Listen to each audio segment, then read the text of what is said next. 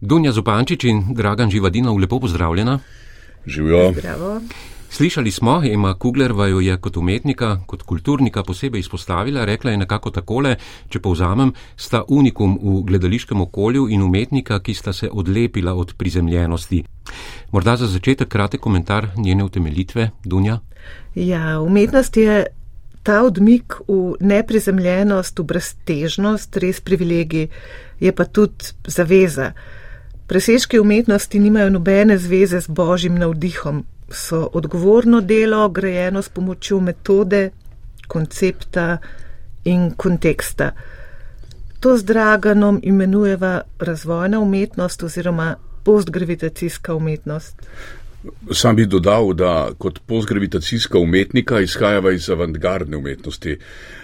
Te pa ni brez abstrakcije. Sva kategorična abstrakcionista. Govorimo o tistem trenutku, ko v breztežnosti izgine orientacija levo, desno, spodaj, zgoraj. Človek, ki večinski del svojega tuzemnega življenja preživi v terraformativnosti, težko sprejme to dejstvo. V resnici pa je vesolje večinsko v območju breztežnosti. No, na kulturni dan se bomo eh, danes torej pogovarjali predvsem o vajni umetnosti, eh, ki, če rečem nekako paradoksalno, eh, gravitira izven gravitacije. Se vama zdi, da vajno delo slovenska kritiška javnost dovolj dobro razume? Sveda jo razume, samo težko jo reflektira v mainstream medijih, ki so v imenu dobička bolj podvrženi poenostavljanju in populističnim prispevkom. Če je v bistvu v času historične avantgarde razumelo Černigoja in Stepančiča oziroma konstruktivizem, tudi Kosovela, recimo 50 ljudi, naj jo danes razume zagotovo čez 500 ljudi. To je pa že ogromna sprememba. Je pa res to, kar pravi Dunja, da pop mediji skrajno poenostavljajo ideje o umetnosti nasploh, ne samo v najnem primeru.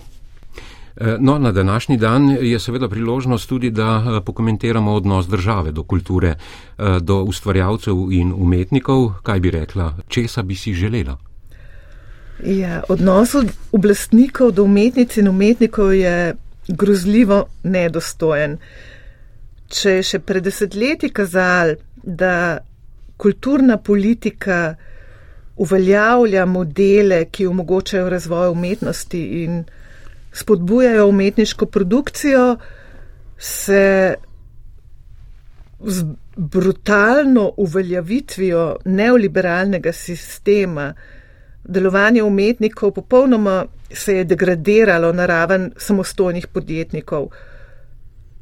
Kulturna politika zahteva od umetnikov hiperprodukcijo in ne nehno rast. Vse več je abotnih kriterijev in splošnih razpisnih pogojev, ki jih oblastniki zahtevajo od nas. Naj vas spomnim uh, nasploh, da je slovenska umetnost tista, ki je vzpostavila slovensko, slovensko-slovansko samozavest, uh, ne pa vojaško-generalska nomenklatura. Jaz še danes doživljam svet v kompleksni slovenščini.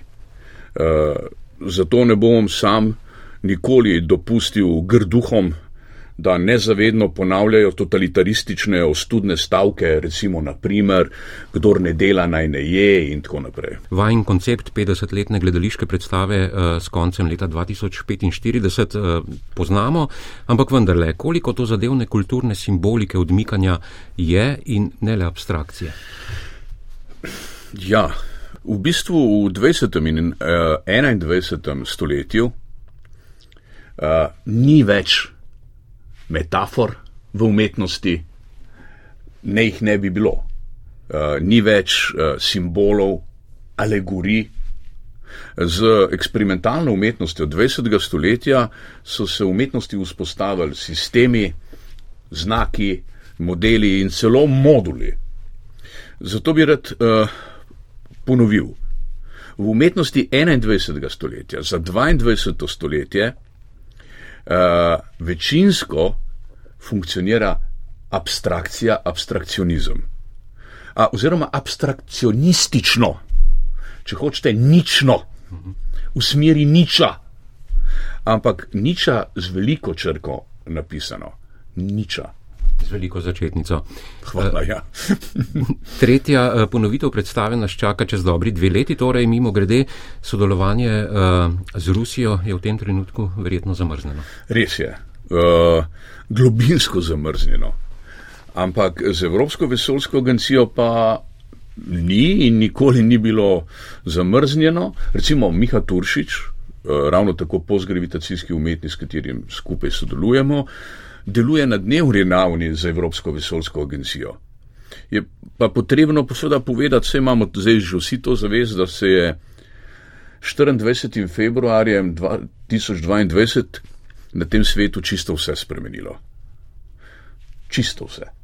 Z 20. aprilom 2023 pa bova z Dunja začela odštevati proti tretji ponovitvi predstave Nordung, se pravi 2023, 2024, 2025 in tretja ponovitev. Uh, ne, tukaj sam dodam, uh, ko sem začel študirati uh, zgodovino, nam je profesor na prvi uri, ko nam je predva, predaval zgodovinsko metodologijo, izgovoril stavek, ki ga ne bom nikoli pozabil. Če mislite, da ste prišli študirati zgodovino, se zelo motite prišli ste študirati zgodovino vojn. V tem smislu bi rad rekel, naj živi vojak Švejk. Do ponovitve seveda kupica projektov. Ponovitev nas čaka, projekti pa določeni so že za vama. E, morda izpostavim vsaj dva e, v minulem letu, ki gotovo izstopata. E, prvi je otvoritvena predstava v Novem Sadu, lanski prestolnici kulture. Dragan, vi v vlogi avtorja, libreta in režiserja, Dunja, vi pa v vlogi oblikovalke Eh, scenografije in kostumografije. Eh, kakšna je bila pravzaprav izkušnja eh, sodelovanja s Srbi? Fenomenalna. Ekipa Evropske prestolnice kulture v Novem Sadu je bila mlada, ambiciozna in zelo agilna. V ničemer naj v ni omejevala. Rekl bi, da je bilo vse v duhu novega, v duhu novega sada. Želim si, da bi naši kolegi imeli podobno izkušnjo do novega tudi v Novi Gorici leta 2025 in da bi bila ta vojna mora, ki se je začela lansko leto, že za nami 2025. Ko govorimo o sodelovanju, bi vas seveda rad vprašal, eh, kako pa poteka sodelovanje z vašim možem. Predstavljam si eh, sam to intenzivno, medsebojno, nenehno, ustvarjalno dinamiko. Ja, res je zelo intenzivno, sva pa uveljavila nekakšno ravnovesje v procesu konstruiranja umetnine. To pomeni, da si pustiva avtonomijo in suverenost v lastnem mediju, se pravi, jaz v formativnem, dragam pa v dogodkovnem. Je pa težko, ko dragan začne uveljavljati svoje ideje, ideje v polju vizualne umetnosti takrat mu enostavno zagrozim, da bom začela režirati. Ja, aj, no, ja, je treba še kaj dodati. uh, bi lahko rekli, Dragan, uh, da je uh, tako uspešno sodelovanje na nek način tudi podvig, uspešno sodelovanje z ženo, seveda mislim. Uh, ja, na to bi pravzaprav pa moral odgovoriti dvodelno. Podvig Beseda podvig, ki sem jo takrat v tistem primeru uporabil, izhaja dobesedno iz kozmizma, ki je zgodovinski vir najne umetnosti. Iz izhodiščne knjige, to je filozofija skupnega podviga avtorja Fjodorova. Uh, tem, Govorimo o podvigu proti Zenitu. Drži, Zenitu oziroma naslov predstave je bil Zeniteum. Uh, Na tem mestu bi se ustavil s, s prvim delom. Zdaj pa uh, drugi del odgovora, je pravzaprav bi pa upozoril to najno, zdaj že skoraj malbo, kmalbo, ni še 30-letno zauzemanje za združevanje znanosti in umetnosti. Ravno v predstavi Zeniteum smo uprizarjali visoko pesem posvečeno matematiki. Uh, v bistvu smo si vzeli, za motiv temo uh, in vsebino predstave, eh, dva velikana srpske, oziroma lahko bi rekli svetovne umetnosti. Milevo Marič in Milutina Milankoviča. Mileva Marič je skupaj s svojim soprogom Albertom Einsteinom utemeljevala in utemeljila teorijo relativnosti. V bistvu naprej ne bom razvajal, razvijal mojega odgovora, uh, v bistvu ne bi niti zdaj hotel imeti kakršne koli polemike, bi pa rad opozoril poslušalce, da na medmrežju pogledajo delo Milutina Milankoviča, ki je tako daljnosežno, recimo, daljnosežnejše od Nikole Tesle. Jaz bi se uh, premaknil na drug uh, vajen lanski projekt, ki je, bi rekel, kar nekako odmaknjen od abstraktnega, povezan z SNG Maribor in uh, to je še posebej zanimivo s klasičnim dramskim delom. Dragan Živadinov, Dunja Zupančič. Uh, govorim seveda o Kalderonovem uh, življenju je sen. Kakšen izziv je uh, predstavljalo režiranje takšnega gledališkega dela in še prvič v SNG Maribor. To je bila ena izvrstna izkušnja, bi rekel, na vseh ravneh.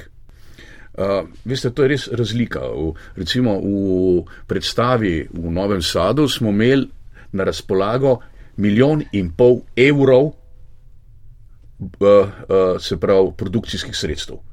Porabili smo jih 800 tisoč.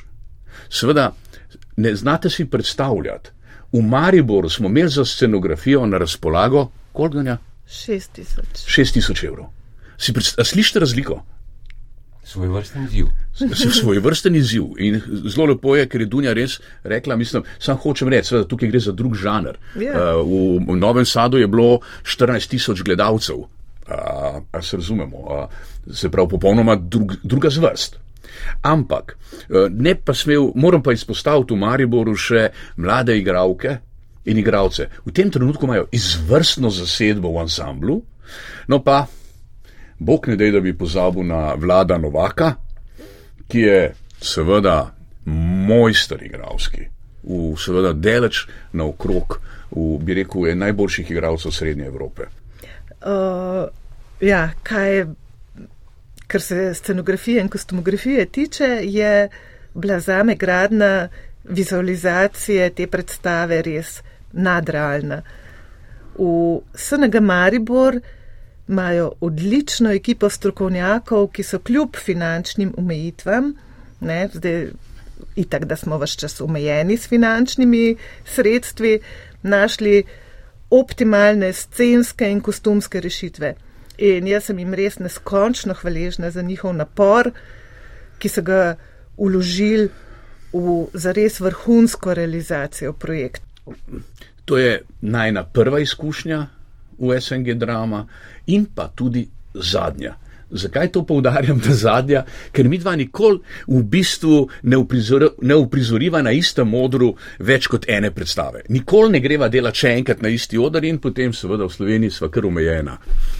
Potem takem se veselimo vajnega uh, prvega novega podviga uh, predstave. Uh, in ker se današnji uh, pogovori tudi na nek način uh, končajo z napovedjo naslednjega uh, gosta, zdaj oba seveda sprašujem, uh, katerega od umetnikov bi izpostavila, bodi si zato, ker je na nek način vir navdiha za vajno delo, uh, ker vaju je morda v nekem smislu seveda tudi zaznamoval, uh, bodi si zato, ker ga enostavno spremljata, cenita in spoštujeta. Dunja nedvomno Lajbah.